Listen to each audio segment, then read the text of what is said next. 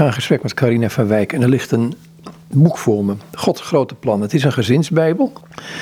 Het heeft voor mij meer het idee van een kinderbijbel, maar dat is het ook weer niet helemaal. Uh, want de gezinsbijbel is toch iets heel anders. Maar uh, allereerst, er zijn toch de nodige gezinsbijbels en, kinderbijbels op de markt. Uh, nu weer een? Ja, dat klopt.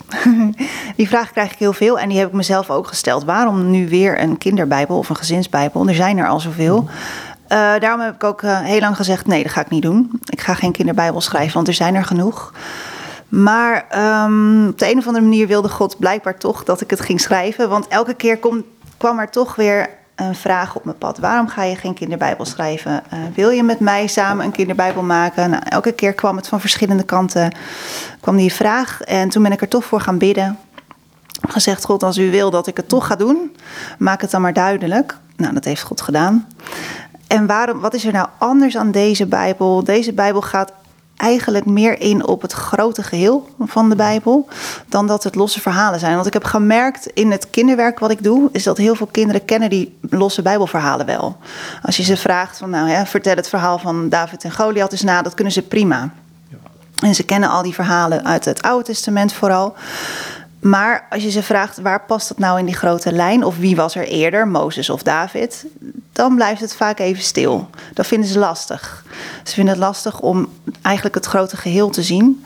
En dat is de reden dat ik dacht, nou, ik ga deze Bijbel schrijven uh, met de focus op de grote lijn. Eigenlijk op de samenhang tussen die verhalen. En op Gods grote plan met Israël en met de wereld.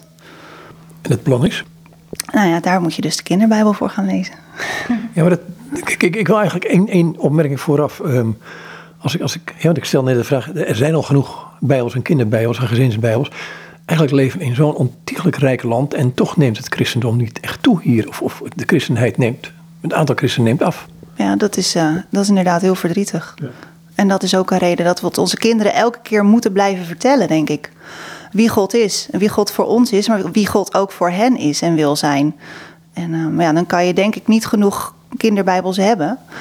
Want je blijft, je blijft het elke keer je kinderen uitleggen. En elke keer hopelijk ook een stukje, geef je ze een stukje meer diepgang mee. En een stukje meer, um, ja, hoe zeg je dat? Dat ze het steeds meer ook kunnen toepassen in hun eigen leven. En dan hopen we dat ze uiteindelijk die keuze gaan maken om, om zelf ook voor God te gaan kiezen. Voor Jezus te gaan leven. Ja, je, je zegt dat het zijn heel vaak losse verhalen allemaal. En zo worden ze, denk ik, door kinderen misschien ook al ervaren.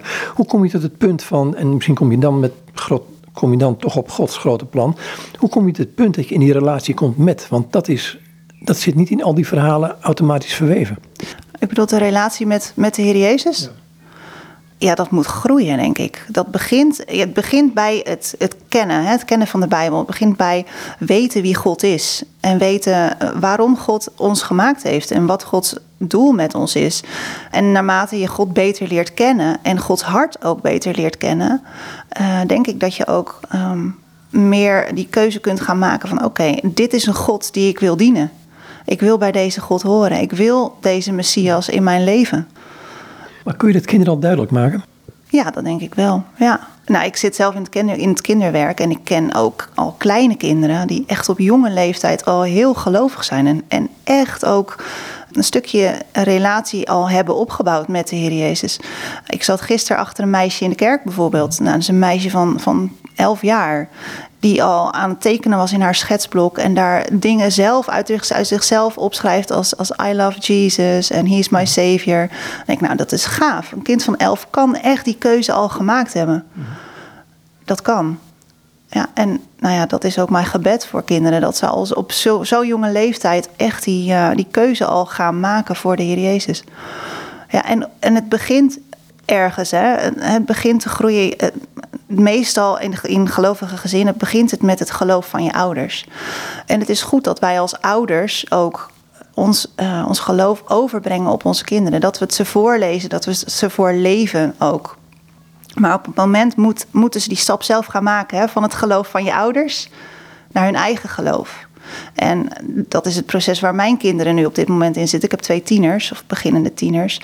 En zij zijn nu heel erg in die fase van: oké, geloof ik nog wat mijn ouders geloven? En ga ik naar de kerk omdat ik naar de kerk moet bijvoorbeeld, lees ik dit omdat, het, uh, omdat mijn ouders willen dat ik dit lees? Of geloof ik dit nu echt? En ze gaan zich ook die vragen stellen. Nou, hè, hoe zit dat nou precies? Ze zijn ook best wel slim, dus ze stellen hele goede vragen. En dan is het goed dat je als ouders echt kunt uitleggen van nou, je mag ook komen met je, met je twijfels en met je vragen. Daar is ruimte voor. En dan is het goed dat je ook een leidraad hebt waar, aan de hand waarvan je die vragen ook kunt gaan beantwoorden. Ja, wat voor slimme vragen stellen ze onder andere? Uh, hoe zit dat nou met die Heilige Geest bijvoorbeeld? En wanneer krijg ik nou de Heilige Geest? Want ik geloof toch in de Heer Jezus, maar ik heb nog niet zelf gekozen. Heb ik de Heilige Geest dan al? Nou, dat is een mooie vraag, denk ik, om over na te denken. En uh, wie is dat nou eigenlijk en hoe zit dat nou? Maar ook hele, uh, heel, heel andere technische vragen, zoals hoe zit het nou uh, met, met de schepping en, en heeft God alle honden gemaakt, bijvoorbeeld in het begin? Waar zit die, waar zit die nou, simpele vragen, zeg maar, als heeft God één, één hond gemaakt en zijn de alle anderen daaruit voortgekomen? En nou ja, zo, zo werkt een kinderbrein, denk ik. Ja, bij de mens, mens kun je diezelfde vraag stellen natuurlijk. Ja. Begon met ademen, daar is Eva uit voortgekomen. Ja, nou ja, dat soort vragen begint nu een beetje. Nou, ze stellen dat soort vragen al wel langer hoor. Maar en die vragen beginnen steeds meer doordacht te worden ook. En dan gaan ze dan een stukje mee aan de gang. En dat gaat dan, dat gaat dan in hun hoofd uh, gaat dat een tijdje, ja, een tijdje rijpen. En dan komt er twee, drie weken later komt er een vervolgvraag. En zo ga je in gesprek met kinderen. En ja, dan hoop je ze toch over te brengen en te leren van nou, het gaat uiteindelijk niet om die vragen. Het gaat uiteindelijk om Jezus. En uh, of jij de Heer Jezus wil, wil aannemen als jouw redder en verlosser. En ik denk dat dat natuurlijk de climax is van Gods grote plan. Hè? Jezus als redder en verlosser en Heer. En Hij wil inderdaad een relatie met ons. Wil jij dat ook? Wil jij die keuze voor hem maken? Dan hebben ze in deze maatschappij de wind tegen, enorm tegen. Ja, dat hebben ze. Nou hebben mijn kinderen het voordeel dat ze op een christelijke school zitten nog. En ook veel christelijke vrienden hebben. Dus dat merken ze nog niet zo heel erg, denk ik.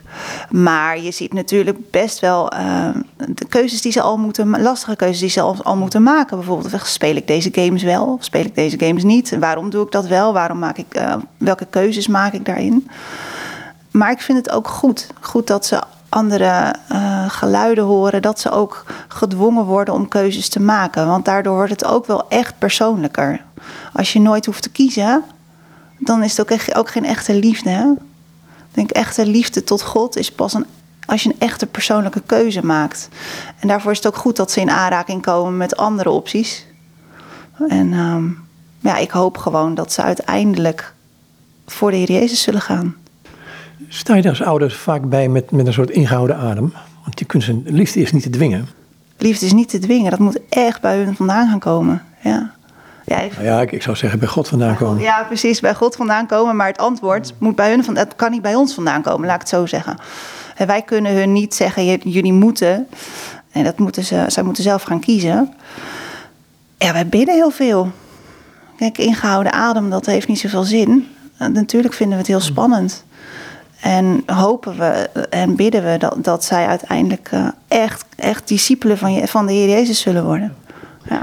In deze Bijbel is ook, uh, deze gezinsbijbel, um, is uh, door Gideon in Hoornaar uitgegeven. In samenwerking met Israël en de Bijbel, dacht ik. De Stichting Israël en de Bijbel. Ja, dat klopt. Ja. De directeur van Stichting Israël en de Bijbel, Christian Stier, die heeft mij gevraagd: zou je deze kinderbijbel willen schrijven? En wil je dan ook echt het uh, Gods plan met Israël daarin verwerken. Uh, zou je dat willen doen? Omdat we merken dat veel kinderbijbels eigenlijk die focus op Israël verloren hebben. Dus dat zit hier ook wel echt in. En dat, ja, dat heb ik inderdaad vanuit de, vanuit de stichting mogen doen. Ik werk ook veel als vrijwilliger voor de stichting. Ik doe veel kinderwerk. Ik geef bijvoorbeeld gastlessen op basisscholen. En ik heb ook al voor de kinderbijbel een aantal lespakketten geschreven. Met verhalen daarin en uitleg. Dus daar kwam het eigenlijk een beetje ook uit voort, die vraag. Het verbaast mij altijd als ik naar het Oude Testament kijk. Dat is een soort, mag ik het zeggen, het geschiedenisboek van Israël. Dat we net doen of het ons boek is. ja, ja we, we eigenen ons heel graag dingen toe. Hè? Ja, we eigenen ons ook heel graag als kerk de belofte aan Israël toe. Alleen de vervloekingen liever niet. Die laten we dan liever voor het volk Israël staan. En ja, dat is natuurlijk. Ik kan er heel veel over zeggen, maar het is een Joods boek, maar het Nieuwe Testament ook, net zo goed. Je hebt het over het Oude Testament, dat is, dat is een Joods boek, maar het Nieuwe Testament ook. We hebben een, een Joodse Messias. En het is één geheel. Het is niet een, er zit geen knip tussen. Ja, er zit 400 jaar tussen, kan je zeggen. Maar er zit geen knip tussen het Oude en het Nieuwe Testament. Het is één, één Bijbel. En ehm, ja, dat vind ik ook heel belangrijk dat mensen dat gaan zien. Dat het Gods plan met Israël stopt niet bij de geboorte van de Messias. In Malachi eindigt, eindigt dacht ik met de belofte van Elia. En het Nieuwe Testament begint er min of meer mee. Ja, dat klopt. Hebben gisteren nog een preek over gehoord. ja, over Malachi. Ja, inderdaad, dat klopt. En, en het hele Oude Testament profiteert over de komst van de Messias. Maar niet alleen over de komst van de Messias, ook over zijn koninkrijk.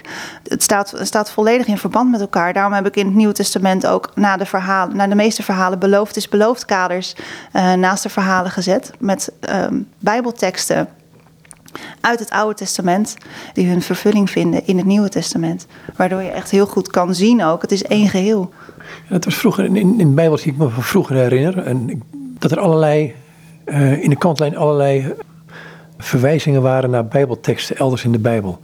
Dat mis ik in heel veel nieuwe vertalingen. Dus het is gewoon, het is gewoon een boek geworden. Ja, nou, ik heb ze er weer een klein beetje in teruggebracht. Mm -hmm. Ik vind het heel belangrijk dat, dat kinderen ook leren zien dat het één geheel is. En dat, dat Jezus echt de Messias is die komen zou. Dat God een plan heeft door de eeuwen heen, maar dat dat plan niet stopt bij de Messias, maar dat het plan doorgaat, dat het, dat het zijn climax daarin vindt, in, in Jezus de Messias. Maar dat er nog zoveel, zoveel gaat komen.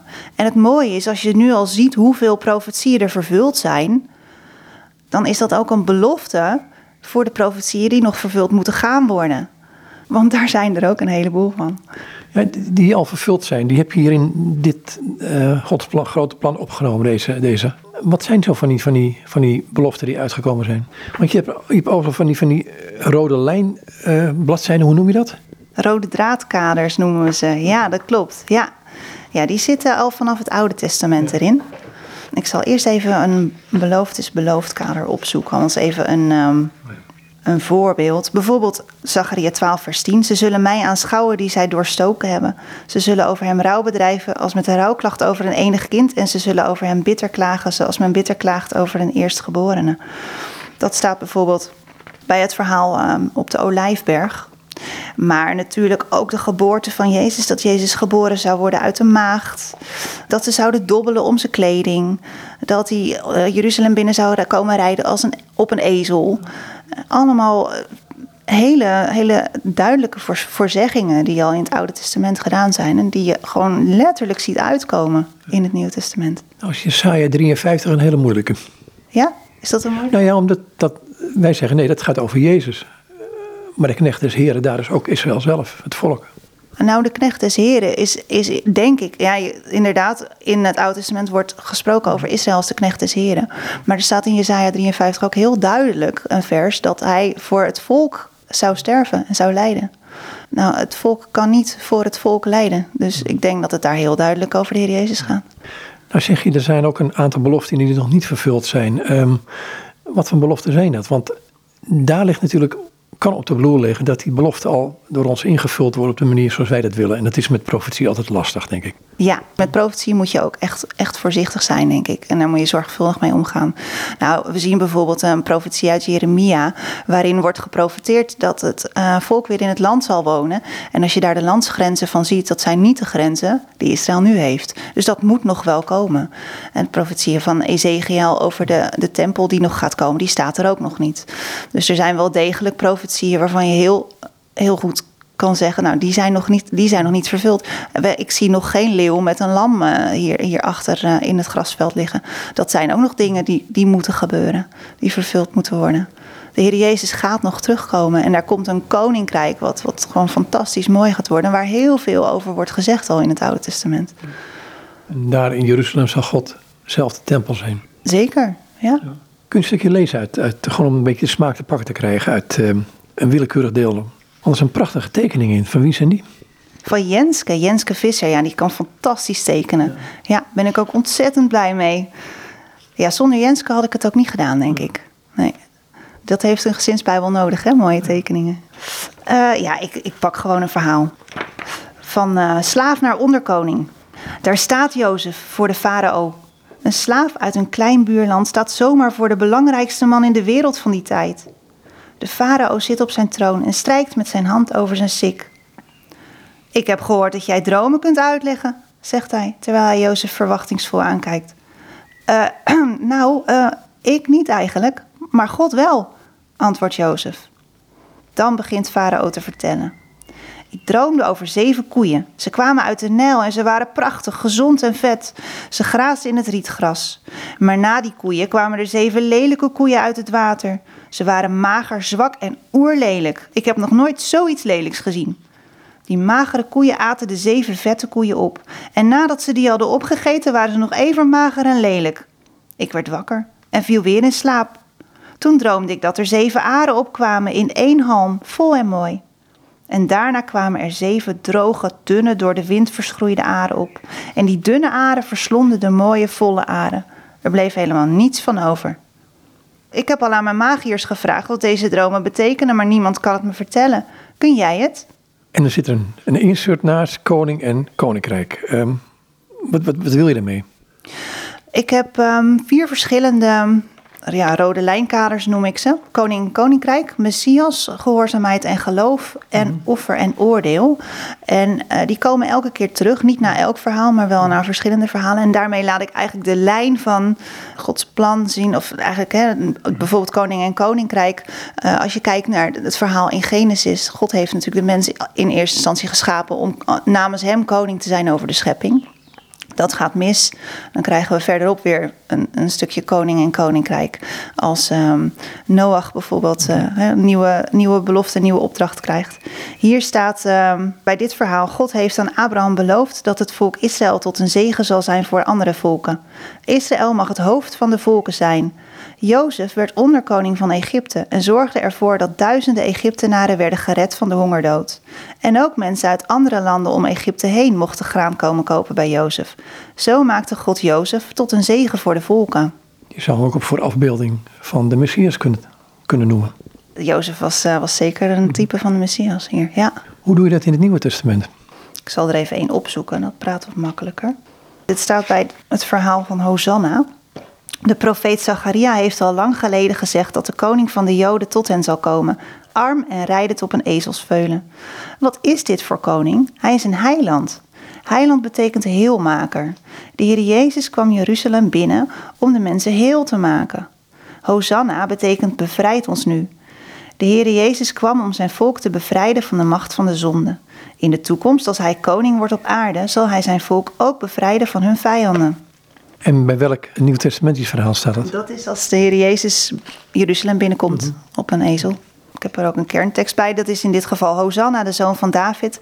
Gezegend hij die komt in de naam van de Heer. Hosanna in de hoogste hemelen. Matthäus 21, vers 9. En hoe ga je dan om met het feit dat um, een koning verwacht werd en uiteindelijk uh, hij kwam te sterven? Nou, dat is best een, een ingewikkelde. Want Jezus kwam als koning. Jezus kwam in principe om, hè, dat zie je ook en aan het begin al, dat Jezus komt om het koninkrijk. hij zegt ook, het koninkrijk is nabijgekomen, maar hij moest ook sterven. Want ook dat is al uh, aangekondigd door de, door de profeten. Je noemde net al Jesaja 53. Daarin wordt al door God ook aangekondigd dat de Messias moest lijden en sterven. En hoe kun je die twee nou verenigen? Dat is, en ik denk dat we dat ook een stukje bij God moeten laten. Hoe dat in zijn plan gaat. Daar zit een stuk in waarvan ik denk: ik begrijp dat niet. Dat laat ik bij God. Maar ik beschrijf het wel zoals het in de Bijbel staat. We kunnen niet alles begrijpen, denk ik, en dat moeten we ook niet willen.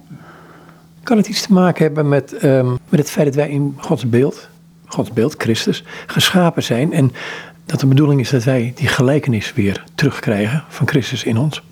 Ja, dat is natuurlijk Gods doel geweest voor iedereen. Hij schiep de mens om, om, om namens hem koning te zijn over de schepping. En naar, zeker naar zijn beeld om, als Christus te zijn. En daar gaat, het hele, gaat de hele Bijbel over, denk ik. Ik denk de hele wet is daarop gericht. De hele profetie is daarop gericht dat wij leven zoals God het bedoeld heeft. Maar dat is niet gelukt en dat gaat ons ook niet lukken. En daarom heeft God de Heer Jezus gegeven. Die is, die is nou vanaf meter van de meest wezenlijke figuur in deze wereldgeschiedenis. Absoluut. Dat is de Heer Jezus, is de Messias, is de, is de kern van, van alles. Het is het brandpunt van de geschiedenis geweest dat de Heer Jezus uh, geboren werd, op aarde kwam.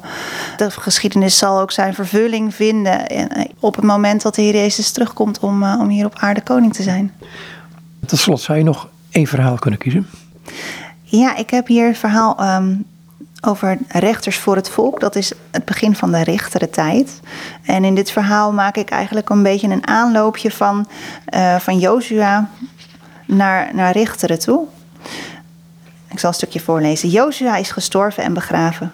De tijd gaat langzaam voorbij en na een poosje zijn ook de mensen die Jozua hebben gekend er niet meer. Natuurlijk zijn de verhalen er nog. De twaalf stenen staan nog aan de oever van de Jordaan, maar er is niemand meer die zelf de Jordaan heeft overgestoken. En langzaam, heel langzaam beginnen ook de verhalen te vervagen. De mensen vergeten wat er is gebeurd. Ze hebben huizen en steden gebouwd en wonen al een tijd in het land Canaan.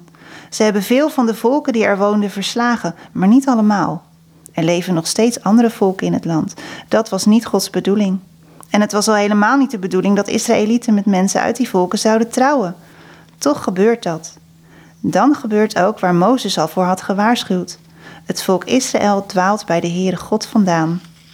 De Israëlieten maken afgodsbeelden en gaan de goden van andere volken dienen in plaats van de enige echte God, hun God. Zoals Mozes het had gezegd, gebeurt het ook. Zodra het volk bij God vandaan gaat en ongehoorzaam is, kan hij hen niet meer zegenen. De Heere God heeft, voor altijd voor, heeft altijd voor hen gezorgd en nu keren ze hem zomaar de rug toe. Dat maakt hem boos en verdrietig. De Heere wil heel graag dat zijn volk weer bij hem terugkomt. Daarom geeft hij hun straf om hen te laten weten dat ze verkeerd bezig zijn. Hij laat andere volken oorlog tegen hen voeren en van hen winnen. Hij zorgt ervoor dat de volken die ze niet hebben verdreven nu hun vijanden worden. Er komt oorlog in het land en veel mensen sterven in de strijd. Ze worden zelfs slaven van een andere koning. Dan gaan de mensen nadenken. Ze herinneren zich de verhalen van vroeger. De verhalen over hoe de Heere God hun volk heeft gered uit de slavernij in Egypte. Hoe Mozes het volk door de woestijn leidde en hoe de Heere God hem zelf de weg had gewezen. Hoe de Jordaan droog viel en de muren van Jericho instortten. Ze denken aan de regels die God hun gegeven heeft en ze schamen zich. Ze hebben zich helemaal niet aan de regels gehouden en nu zitten ze in de problemen. Ze moeten iets doen. De mensen gaan bidden. Ze roepen, ze schreeuwen het uit naar God. En wat doet God? Hij luistert. God hoort hoe zijn volk huilt en roept en hij helpt. Hij geeft het volk een bevrijder, een man die hij zelf aanstelt als leider over het volk. Een man die hen terugbrengt bij de Here en hen verlost van de vijanden, een rechter. Otniel wordt de eerste rechter. De Israëlieten gaan de Heere God weer dienen en het volk krijgt vrede. Maar Otniel wordt oud en sterft.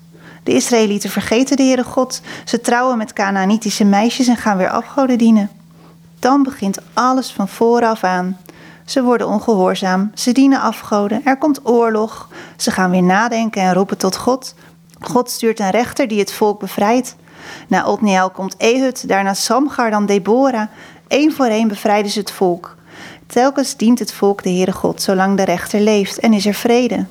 Dan sterft de rechter en het volk gaat weer terug naar de afgoden. Keer op keer, jaar na jaar, rechter na rechter draait het volk Israël rondjes in dezelfde cirkel. Ongehoorzaamheid, straf, bekering, redding. Elke keer opnieuw. Wat wil de Heere God zijn volk graag zegenen? En wat rent het volk telkens hard bij hem vandaan? Zal het ooit nog goed komen? En er staat zo'n groen insertje bij met het anker. Ja, hier staat bij gehoorzaamheid en geloof. God verbindt zijn zegen aan gehoorzaamheid. Als er ongehoorzaamheid is, kan hij niet zegenen. Dan komt er oorlog en ellende over het volk. Pas als het volk Israël weer terugkeert naar God in geloof en gehoorzaamheid, kan hij hen weer redden en vrede geven. In het stukje komt nogal veelvuldig voor dat mensen dus op een gegeven moment, uh, ja, je noemt het ongehoorzaam zijn. En toch dat God gaan bidden en zo. Hij laat zich weer verbidden. Hij laat zich, hij hoort. Dat komt in de hele Bijbel zoveel terug. En dat, dat is het hart van God. Dat is het hart van God. Hij gaat telkens weer op zoek. Hij geeft telkens weer een nieuw begin. Hij geeft een nieuw begin bij Abraham. Hij geeft een nieuw begin bij Noach. Hij geeft telkens weer een nieuw begin bij de rechters. Zelfs op het moment dat God zegt: En nu is het klaar, nu gaan jullie in ballingschap. En hij voert het hele volk weg. Dan zegt hij nog: Maar na 70 jaar mogen jullie weer terug. En dat is onze God. En dan staat er in het Nieuwe Testament, in de Hebreeënbrief meen ik, van, uh, over Israël. Ik zal een nieuw verbond sluiten. Ik zal mijn wetten in hun hart leggen. Dat is de belofte die hij geeft. Dat is de belofte die God geeft. God, maar aan Israël. Aan Israël, absoluut. God gaat verder met zijn volk. dat zie je elke keer in het Oude Testament. God geeft elke keer weer een weg terug. En die weg is uiteindelijk de Messias. Zelfs als het volk Israël hun eigen, zijn eigen koning verwerpt, zegt God nog: Ik ga jullie terugbrengen. Ik ga jullie terugbrengen naar de Messias. Er komt een tijd dat jullie zeggen: Gezegend hij die komt in de naam van de Heer. En dan zal, zal Jezus alsnog koning worden in Israël. En zal zijn volk hem, hem dienen. Gods plan houdt niet op. Gods plan gaat door. En zijn wij als heidenen geënt op de stam Israël. Ik denk dat de stam de Heer Jezus is. Of tenminste, de olijfboom is Israël, absoluut. Maar ik denk dat die wortel, dat dat de Heer Jezus is. Ja, en dan zullen wij uiteindelijk ook uh, ja, deel mogen krijgen aan, aan, aan zijn heerlijkheid. Dat is zo'n wonder, is dat? Ja. Wat wil je met deze gezinsbijbel bereiken? Ja, mijn, mijn gebed is gewoon dat kinderen de Heer Jezus leren kennen. En dat ze echt hun hart aan Hem gaan geven, hun leven aan Hem gaan toevertrouwen ook.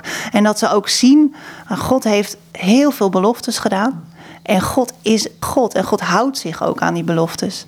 Hij doet wat hij zegt. En dat vind ik, vind ik zo belangrijk dat kinderen dat zien. God doet wat hij beloofd heeft. En hij belooft ons ook als wij ons, onszelf aan Hem geven, als wij onszelf aan Hem toevertrouwen, dan belooft Hij ons een fantastische toekomst. Maar ook hier op aarde belooft Hij ons al dat Hij bij ons is en, en ons draagt. En dat merk ik gewoon in alles. En ik hoop dat kinderen dat ook gaan zien en gaan geloven. Dat God doet wat Hij belooft en doet wat Hij zegt. Ja.